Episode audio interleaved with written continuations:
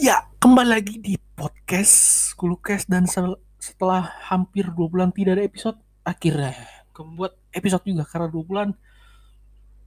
Ya lumayan lama ya tidak ada episode karena bingung juga mau bahas apa yang menarik gitu. Dan setelah ber apa? Memikirkan dengan baik akhirnya gue menemukan topik yang menarik untuk dibahas yaitu adalah science fiction. Jadi siapa sih yang nggak tahu science fiction? Baik itu dari genre movie dari foto dari game atau ya mungkin itu doang sih kayaknya ya. Nah apa sih itu science fiction? Jadi science fiction adalah atau di bahasa Indonesia atau fiksi ilmiah adalah suatu bentuk fiksi spekulatif yang terutama membahas tentang pengaruh sains dan teknologi yang diimajinasikan terhadap masyarakat dan para individual. Batasan dari genre ini tidak pernah diterangkan secara jelas, dan garis pembatasan antara subgenrenya tidaklah tetap. Ya betul, banyak yang menyingkatkan kata is, ilmiah science fiction dalam bahasa Inggris ya. Jadi science fiction itu adalah di mana dunia ya ilmu fiksi ilmu jadi fi, the fiksi itu berarti kan buatan imajinasi manusia tapi berupa ilmiah gitu.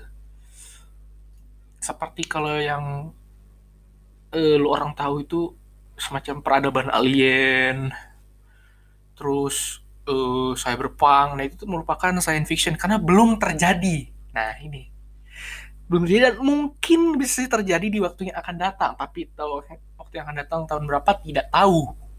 Mungkin 100 tahun ke depan, 200, 300.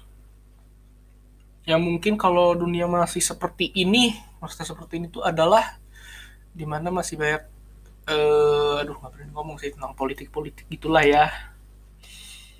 Tentang politik-politik di mana politik-politik itu masih memikirkan tentang hal-hal atau berita-berita lah media-media. Bisa dilihat media-media itu masih memberitakan me- tentang seperti apa ya yang agak gimana gitu kayak Anjay kemarin itu nah itu merupakan penghalau untuk menjadi science fiction karena science fiction itu merupakan intelijensi yang sangat tinggi.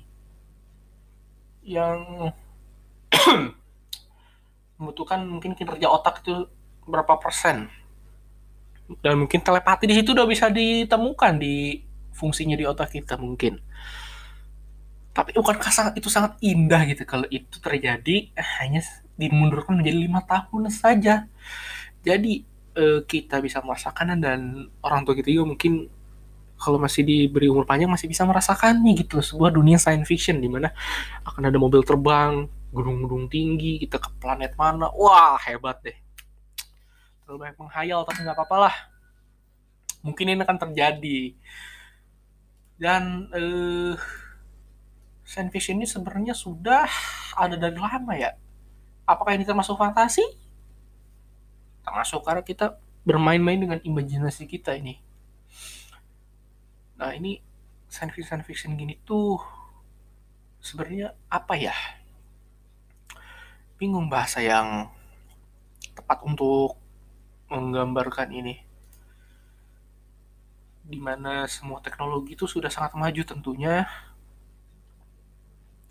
Dan mungkin hutan juga kayaknya nih nah di sini ini buruknya nih hutan mungkin udah mati kayaknya udah gak ada ditebangin semua. Tapi mungkin manusia di masa depan mempunyai cara untuk eh, merenew hutan tersebut. Mungkin dengan membuat oksigen buatan kan ya nggak tahu lah ya.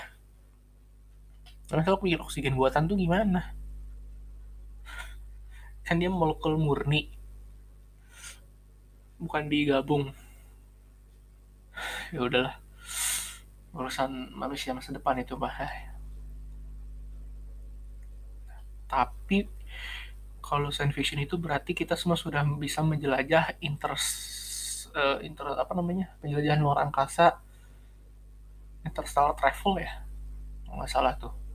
Ya kita sudah bisa melakukan interstellar travel dan mungkin ya sci-fi ini kita bakal bisa tinggal di bawah laut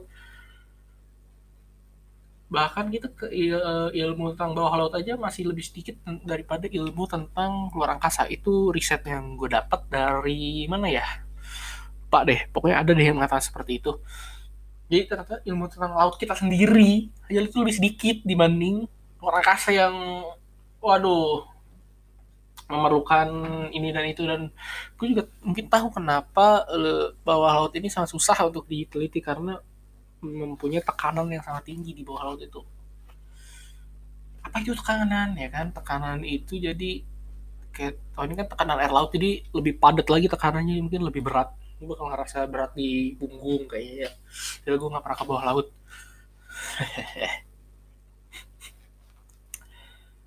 Oh iya. Gue juga telah melakukan apa? Uh, riset tentang ini. Apa namanya? Uh, akankah kita bisa menjadi seorang seorang yang apa namanya peradaban yang sangat maju? Jawabannya ada bisa.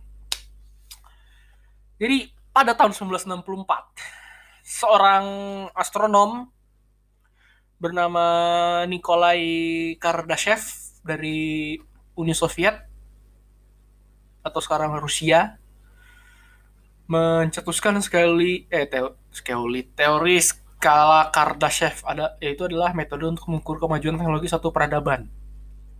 Jadi, menurut dia ini teknologi eh apa skala ini tuh menentukan seberapa maju peradaban kita. Dari satu dua tiga empat bahkan lima. Ada yang menyebutkan sampai lima. Beberapa orang udah memperluaskan sampai lima. Tapi si Kardashev ini yang memperhitungkan sampai tiga. Nah jadi pada tahun 1800 eh, dan bahkan kita pun tetap tahun segini belum mencapai skala satu. Nah ini mungkin kita bahkan akan mencapai skala satu dalam 100 tahun. Nah kan seperti yang tadi gue bilang kita akan mencapai dunia sci-fi dalam 100 tahun. Jadi nanti gue jelasin uh, apa ini ininya dah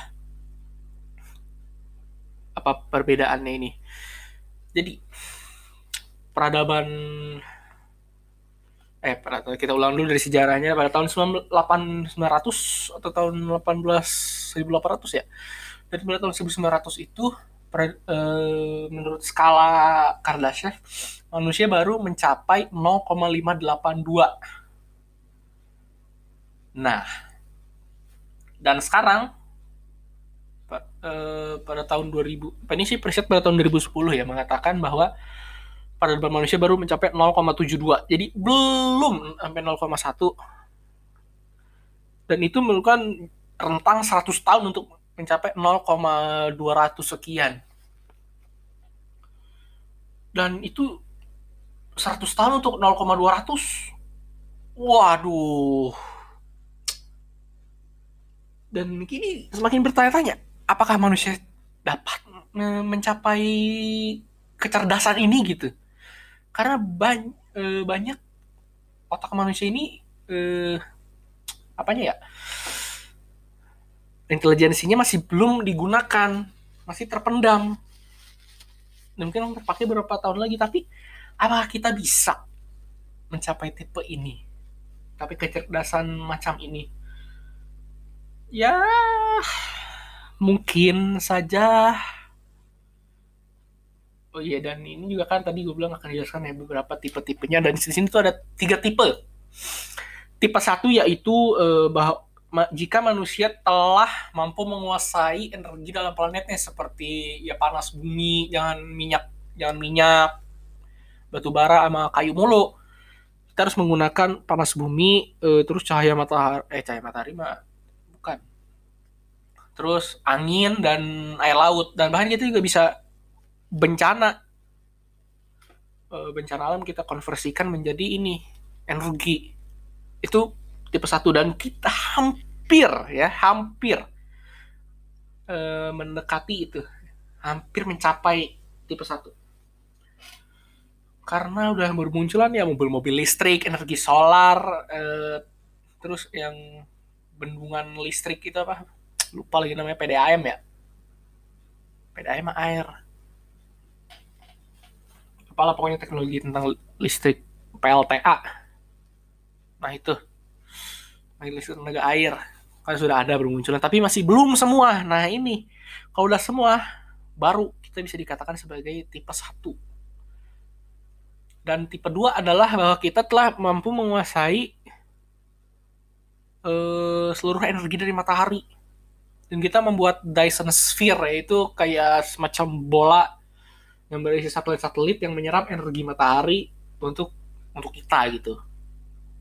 Itu adalah tipe kedua. Dan tipe ketiga adalah jika kita bisa menguasai energi dari galaksi.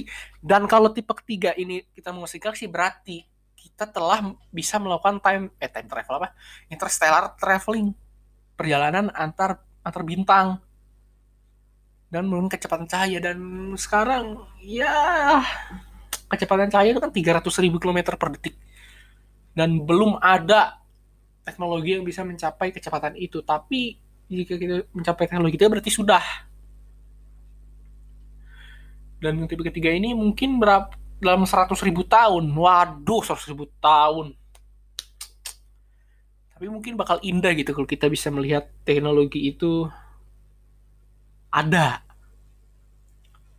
Interstellar travel tuh ada. Jadi kalau kita liburan kita tuh pengen pergi ke planet mana gitu dan ini juga aku juga ada pembahasan yang lumayan menarik ini setelah kar Kardashian Scale. Jadi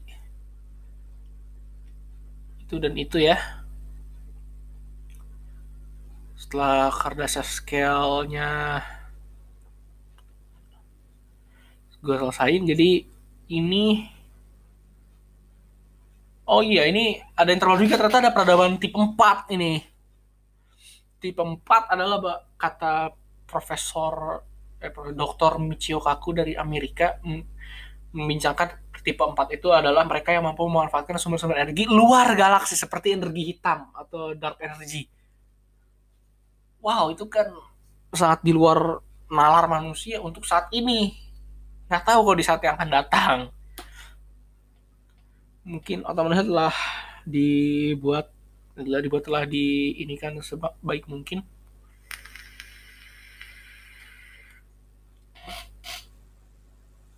Nah begitu.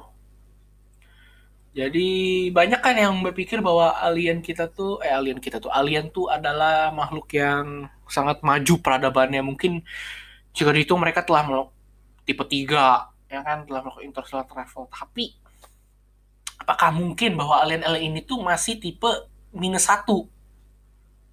Tipe uh, mesolitikum mesolitikum gitu lah masih bukan zaman batu. Mungkin nggak itu terjadi? Mungkin. Tapi kita tidak pernah tahu. Karena sejauh ini belum pernah ada kontak uh, direct contact antara makhluk luar dengan kita. Sampai saat ini.